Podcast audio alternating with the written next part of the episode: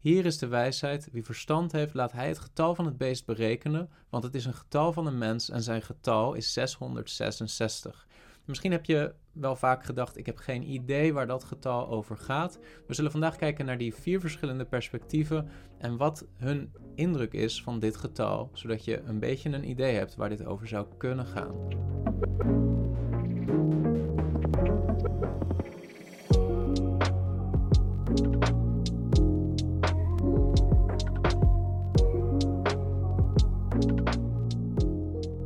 Heb in een vorige video vier verschillende perspectieven op het boek Openbaring beschreven, namelijk het preteristisch perspectief, het historicistisch perspectief, het futuristisch perspectief en het idealistisch perspectief. Mocht je daar niet naar gekeken hebben, dan adviseer ik je om daar nog eens even naar te kijken.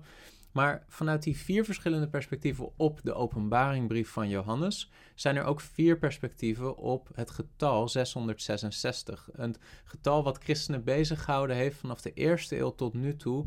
En wat veel christenen ertoe heeft gebracht om te denken: wat, wat is de betekenis van dit getal? Wat bedoelt de apostel Johannes hiermee te zeggen?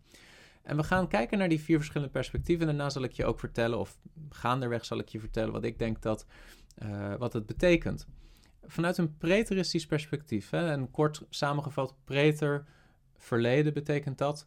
En preterisme, of gedeeltelijk preterisme, wil zeggen een belangrijk deel van de openbaringbrief is vervuld in de eerste eeuw en had betrekking op gebeurtenissen in de eerste eeuw. Nou goed, als je daar meer over wil weten, daar heb ik over gesproken in eerdere video's. Maar ten aanzien van dit specifieke schriftgedeelte, Openbaring hoofdstuk 13, vers 18, is het preteristisch perspectief als volgt. Johannes heeft de brief geschreven ten tijde van de eerste vervolging van de christelijke gemeente door Rome. En dat was onder keizer Nero. Nero leefde, uh, nou goed, Nero leefde in de eerste eeuw, was de, uh, de zesde keizer van Rome, als je begint te tellen vanaf Julius Caesar. En waarschijnlijk is ergens tussen 64 en 68 na Christus de brief geschreven, want dat is de periode waarin Nero de christelijke gemeente vervolgde. En vanuit preteristisch perspectief is het beest uit de zee een beeld voor het Romeinse keizerrijk. De zee die staat symbool voor de heidenvolken, hè? zeker vanuit Joods perspectief, vanuit Israël perspectief. En dat zie je ook in het Oude Testament, dat de zee vaak symbool staat voor de heidenvolken, voor de, voor de wereldmassa van volkeren. En je ziet ook vanuit het land Israël dat bijna alle andere landen, de kustlanden, uh, als het ware vanuit hun perspectief vanuit de zee komen. Ehm, de zee staat dan symbool voor de heidenen en het beest wat opkomt uit de zee is dan een koninkrijk wat uit de heidenvolken is opgekomen. En ten tijde van het schrijven van de brief is dat koninkrijk, het meest voor de hand liggende koninkrijk, is het Romeinse keizerrijk. Ehm, en als je leest Openbaring 17, vers 9 tot 10, dan geeft dat wat meer richting aan uh, de betekenis van het beest. Want daar staat: Hier is het verstand dat wijsheid heeft. De zeven koppen zijn zeven bergen waarop de vrouw zit. Ook zijn het zeven koningen. Vijf zijn er gevallen, één is er, de andere is nog niet gekomen. En wanneer hij komt, moet hij korte tijd blijven. Dus die zeven koppen van het beest, die staan symbool voor zeven bergen, maar ook voor zeven koningen. En Rome stond bekend als de stad op zeven bergen. Ik zal ze ook in beeld laten zien, zodat je ook ziet wat de namen waren van die bergen. Maar dat kun je ook gewoon zelf opzoeken op internet. Dat is nog steeds iets wat algemeen bekend is, maar dat was ook in de eerste eeuw algemeen bekend. Uh, en zelfs vanaf de oprichting van Rome, dat Rome de stad was op zeven bergen. En dat was ook de bijnaam voor die stad. Um, dus de zeven koppen van het beest lijken iets te zeggen over de locatie van het beest, namelijk het is Rome, het is het Romeinse Rijk. Maar vervolgens staat er ook zijn het zeven koningen, vijf zijn er gevallen, één is er, de andere is nog niet gekomen. En wanneer die komt, moet hij een korte tijd blijven. En dat zegt iets over het chronologisch moment van het schrijven van de brief. Want er zijn dus kennelijk vijf koningen gevallen in het verleden. En de zesde is er op dat moment van schrijven van de brief. Als we dan kijken naar de geschiedenis van Rome en de keizers, dan kun je beginnen te tellen bij Julius Caesar. Eh, Julius Caesar was officieel geen keizer. Hij had nog niet die titel keizer, die bestond op dat moment nog niet. Maar hij is wel als het ware de eerste die die titel keizer in zijn naam al heeft. En hij wordt dan ook gezien, vaak zeker vanuit Joods perspectief, bijvoorbeeld in de geschriften van Flavius Josephus, als de eerste keizer van het Romeinse Rijk. De zesde, de zesde keizer, Nero, van 54 na Christus tot 68 na Christus. In 68 na Christus, eh, volgens de geschiedschrijving, heeft Nero waarschijnlijk zelfmoord gepleegd met het zwaard. Ehm, maar hij heeft geregeerd als keizer van het jaar 54 na Christus tot 68 na Christus. Dus als er vijf keizers geweest zijn en de zesde op het moment van schrijven van de brief er is, ja, dan moet de brief geschreven zijn tussen 54 na Christus en 68 na Christus. Overigens, de zevende keizer is dan Galba. Na de zelfmoord van Nero zijn er in een korte tijd, in een jaar tijd, vier verschillende keizers. En dat zijn Galba, Otto, Vitellius en vervolgens Vespasianus. Dat is dan de tiende. En pas Vespasianus is in staat om weer wat stabiliteit te brengen in het Romeinse keizerrijk. Dan zeg je misschien, ja, maar het gaat hier over koningen. Het gaat, de zeven koppen van het beest zijn zeven koningen. Er staat niet zeven keizers. Maar als je kijkt naar de Bijbel, dan zie je dat vanuit Joods perspectief de Romeinse keizers wel vaker koningen genoemd worden. Kijk bijvoorbeeld eens naar Johannes 19, vers 15. Daar schreeuwen de Joden tegen Pilatus over de Heer Jezus: Weg met hem, weg met hem, kruisig hem. Pilatus zei tegen hen: Moet ik uw koning kruisigen? De overpriesters antwoorden: Wij hebben geen koning dan de keizer. Zie je dat? Wij hebben geen koning dan de keizer. En je ziet vaker dat de Joden in hun geschriften ook naar de keizer verwijzen als de koning. De directe context van de openbaringbrief is dat de brief wordt geschreven aan zeven gemeenten in Klein-Azië, die op dat moment vervolgd worden door het Romeinse Rijk. En dat heeft ook te maken met het feit dat de keizer, waarschijnlijk ook in die tijd al, geëerd moest worden als God en christenen daar niet in mee konden gaan. En daardoor maatschappelijke participatie moeilijk werd gemaakt. En we hebben ook aanwijzingen dat in de tijd van Nero, Nero zichzelf zag als een god. Hij sloeg ook munten met zijn afbeelding. En uh, gecombineerd met een afbeelding van Jupiter, oftewel Zeus, hè, de oppergod. En zulke deificatie, hè, vergoddelijking van de keizer, was eigenlijk al voor Nero vrij gebruikelijk. Uh, en is ook na Nero, ook in de tijd van Domitianus, gebruikelijk geweest. Maar zeker ook in de tijd van Nero hebben we goede aanwijzingen om te geloven dat Nero zichzelf als, zag als een god. En ook vond dat hij aanbeden moest worden door de keizercultus. Wat we verder zien in Openbaring 13, vers 3, daar lezen we: En ik zag een van zijn koppen als dodelijk gewond, maar zijn dodelijke wond werd genezen. De hele aarde ging het beest met verwondering achterna. Nou, hoe zou je dat dan kunnen lezen vanuit dat preteristisch perspectief? Uh, Nero pleegt in het jaar 68 zelfmoord. Um, en daarna is er dus een jaar in Rome van chaos. En dat wordt ook wel beschreven in de geschiedschrijving als het jaar van de vier keizers. Omdat dat zo ongebruikelijk was dat er zo kort op elkaar vier verschillende keizers waren. En men dacht ook wel dat het Romeinse Rijk op het punt stond compleet uh, kapot te gaan, omdat er zoveel burgeroorlogen waren en, en zoveel machtsstrijd in dat jaar, dat het leek alsof dit niet meer goed ging komen, de orde niet meer hersteld zou worden. En pas Vespasianus was in staat om het Romeinse Rijk weer te verenigen onder zijn leiderschap.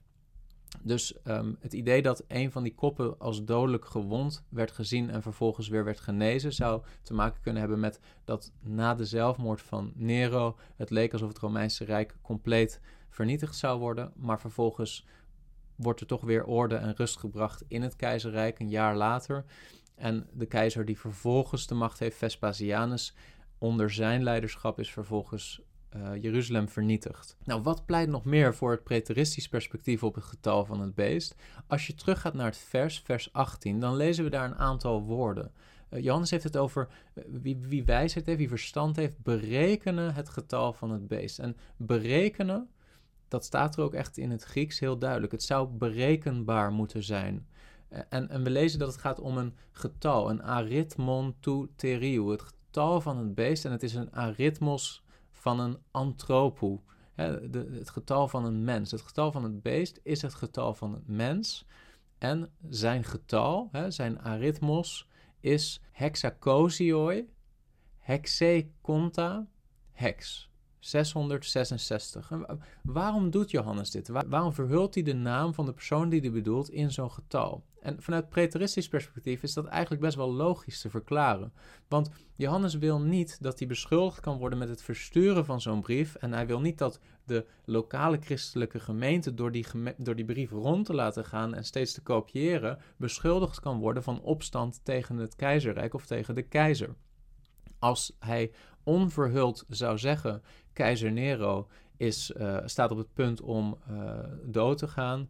Uh, het, het, Romeinse keizerrijk zal uit elkaar vallen, God zal het oordelen. Dan zou die gezien kunnen worden als iemand die rebellie introduceert tegen de keizer. En dat zou enorme problemen veroorzaakt kunnen hebben, nog grotere problemen voor de christelijke gemeente en meer vervolging hebben kunnen brengen. Dus dat, dat geeft een heel duidelijk motief om voorzichtig te zijn en om verhullend te zijn in wat hij eigenlijk moet zeggen. Wat opvalt is dat Johannes zelf weet wie het beest is, wie die mens is. Dat, dat blijkt wel vanuit de manier waarop hij het zegt en de manier waarop hij dat getal aan de man brengt. En hij zegt als het ware, jullie kunnen het ook berekenen, jullie kunnen ook weten wie het beest, wie die mens is.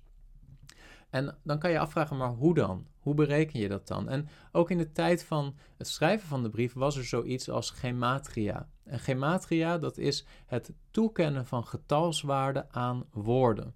En dan zeg je misschien van, maar hoe werkt dat dan precies? Nou, in verschillende klassieke talen, zoals in het Latijn, maar ook in het Grieks en ook in het Hebreeuws, waren er geen aparte symbolen voor getallen en werd hun alfabet gebruikt, hè, dus hun letters werden gebruikt om getalswaarden weer te geven.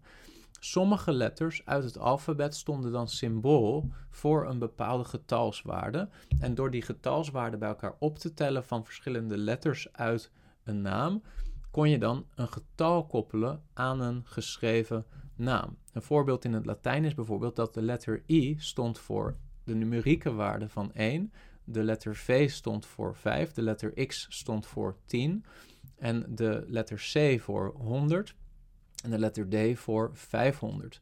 En als je dan een Latijnse naam, als je die verschillende letters die getalswaarden hadden, die getallen bij elkaar optelde, dan kon je dus een, een woord of een naam kon je uitdrukken in een getalswaarde en op die manier een soort cryptogram ervan maken of een versleuteling geven en een beetje in een soort geheimtaal toch iets overbrengen aan iemand die al een beetje een idee had van wat het zou kunnen betekenen. Nou, we hebben reden om te geloven dat dat ook gebeurde in de eerste eeuw, want bij uitgravingen in Pompeii werd een cryptogram gevonden wat begraven was bij de uitbarsting van de vulkaan de Vesuvius in het jaar 79 na Christus en daar staat een inscriptie ik heb haar lief, wiens getal 545 is.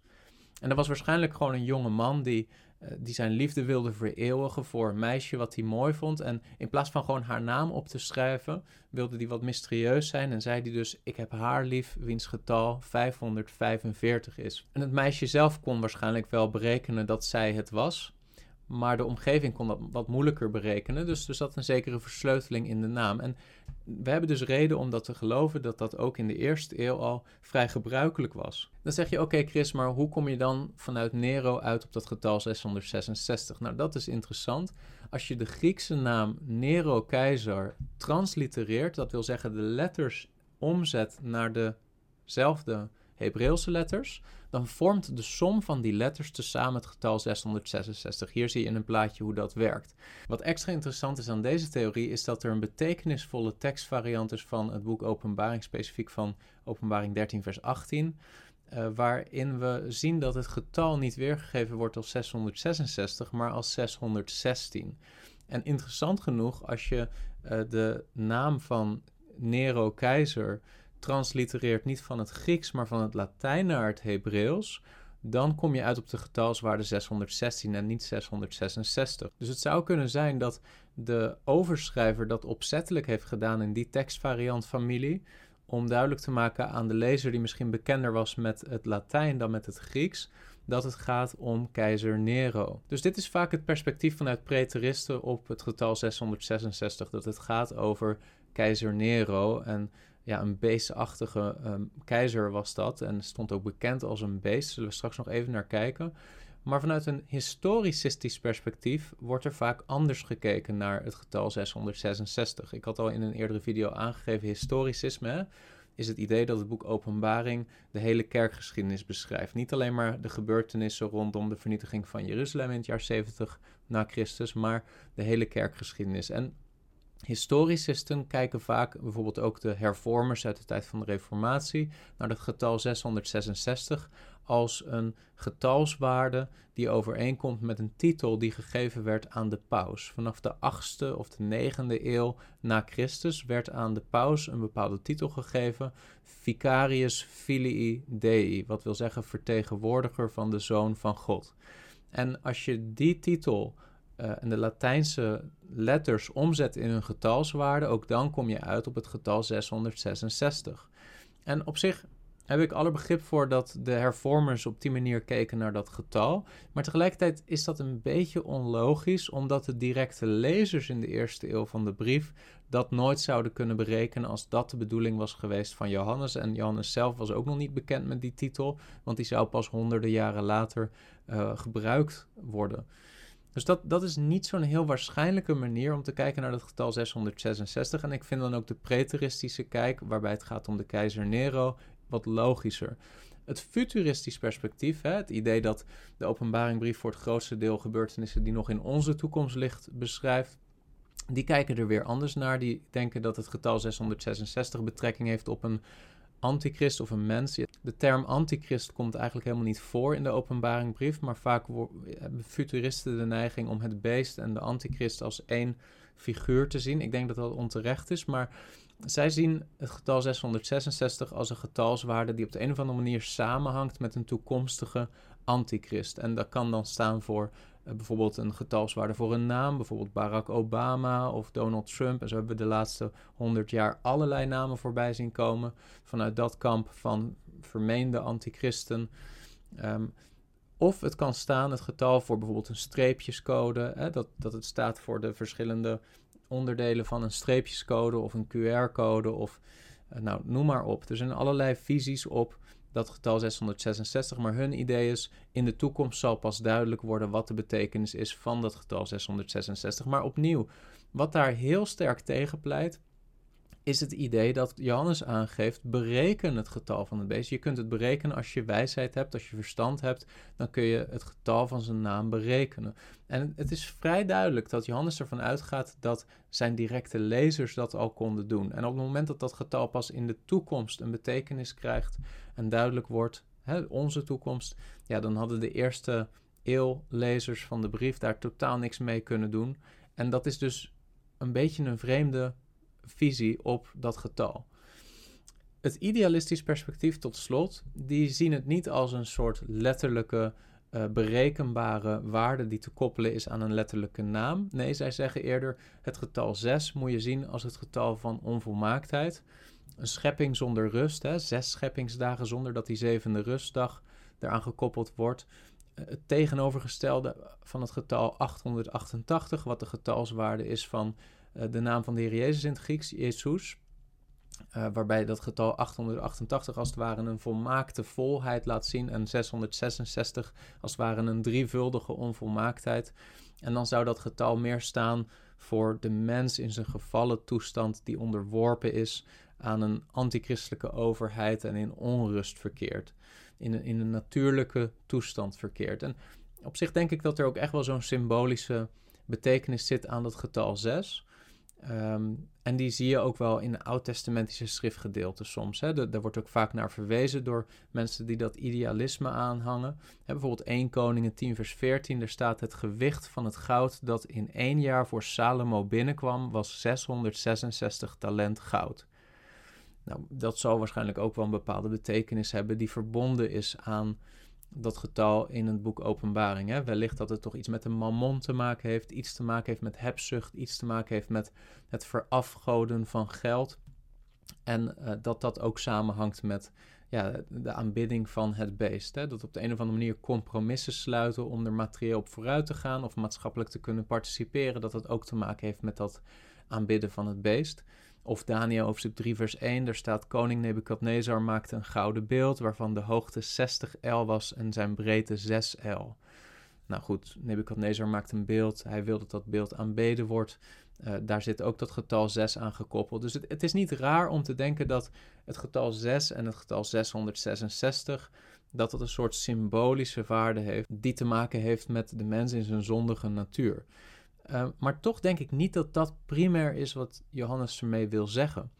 Want Johannes lijkt op een hele specifieke manier te doelen op een heel specifiek persoon. En ook het idee dat het getal berekenbaar is, en dat staat er letterlijk in het Grieks, je kunt het getal berekenen, het is het getal van een mens, het is het getal van een beest, um, geeft aan dat het waarschijnlijk niet alleen maar om een soort vaag idee gaat of een soort archetypisch concept, maar dat er ook gewoon daadwerkelijk letterlijk een mens mee bedoeld wordt en dat dat berekend kan worden door de lezer. Dan heb je ook nog mensen die zeggen: kan er niet een bepaalde gelaagdheid in zitten? Zijn er niet gewoon meerdere lagen, ook bijvoorbeeld in dat getal 666? En, en dat kan zeker, dat, dat spreek ik ook niet tegen. De vraag is: wat is de primaire bedoeling, de primaire vervulling van wat Johannes schrijft? En hij beschrijft toch vrij concrete gebeurtenissen die in een concrete volgorde moeten geschieden. En daarbij valt ook wel op dat hij bijvoorbeeld in Openbaring 1, vers 1 het heeft over dingen die spoedig moeten geschieden. Er staat daar openbaring van Jezus Christus, die God hem gegeven heeft om zijn dienstknechten te laten zien wat spoedig moet geschieden. Nou, daaruit leid ik af dat dat getal 666 en ook het idee dat zijn lezer zou moeten kunnen berekenen om wie het gaat, dat het te maken heeft waarschijnlijk met keizer Nero en de gebeurtenissen rondom de vervolging van de gemeente door keizer Nero en vervolgens ook een paar jaar later de vernietiging van Jeruzalem door het Romeinse Rijk, op dat moment onder keizer Vespasianus. Um, en wat daar ook nog voor pleit, en er zijn nog veel andere argumenten, maar wat er ook voor pleit is dat Nero ook in de eerste eeuw gezien werd als een beestachtig mens, als de, de meest beruchte en de meest sadistische keizer die het Romeinse Rijk ooit heeft gehad. En een voorbeeld daarvan, en daar sluit ik mee af, is een citaat van Apollonius van Tyana, iemand die leefde in de eerste eeuw. En in een van zijn geschriften schrijft hij: In mijn reizen die verder gingen dan die van ieder ander mens, heb ik veel wilde beesten gezien in Arabië en India. Let op, beesten. Maar dit beest, die vaak een tiran genoemd wordt, ik weet niet hoeveel koppen hij heeft, noch of het kromme klauwen heeft, of bewapend is met afschuwelijke hoektanden.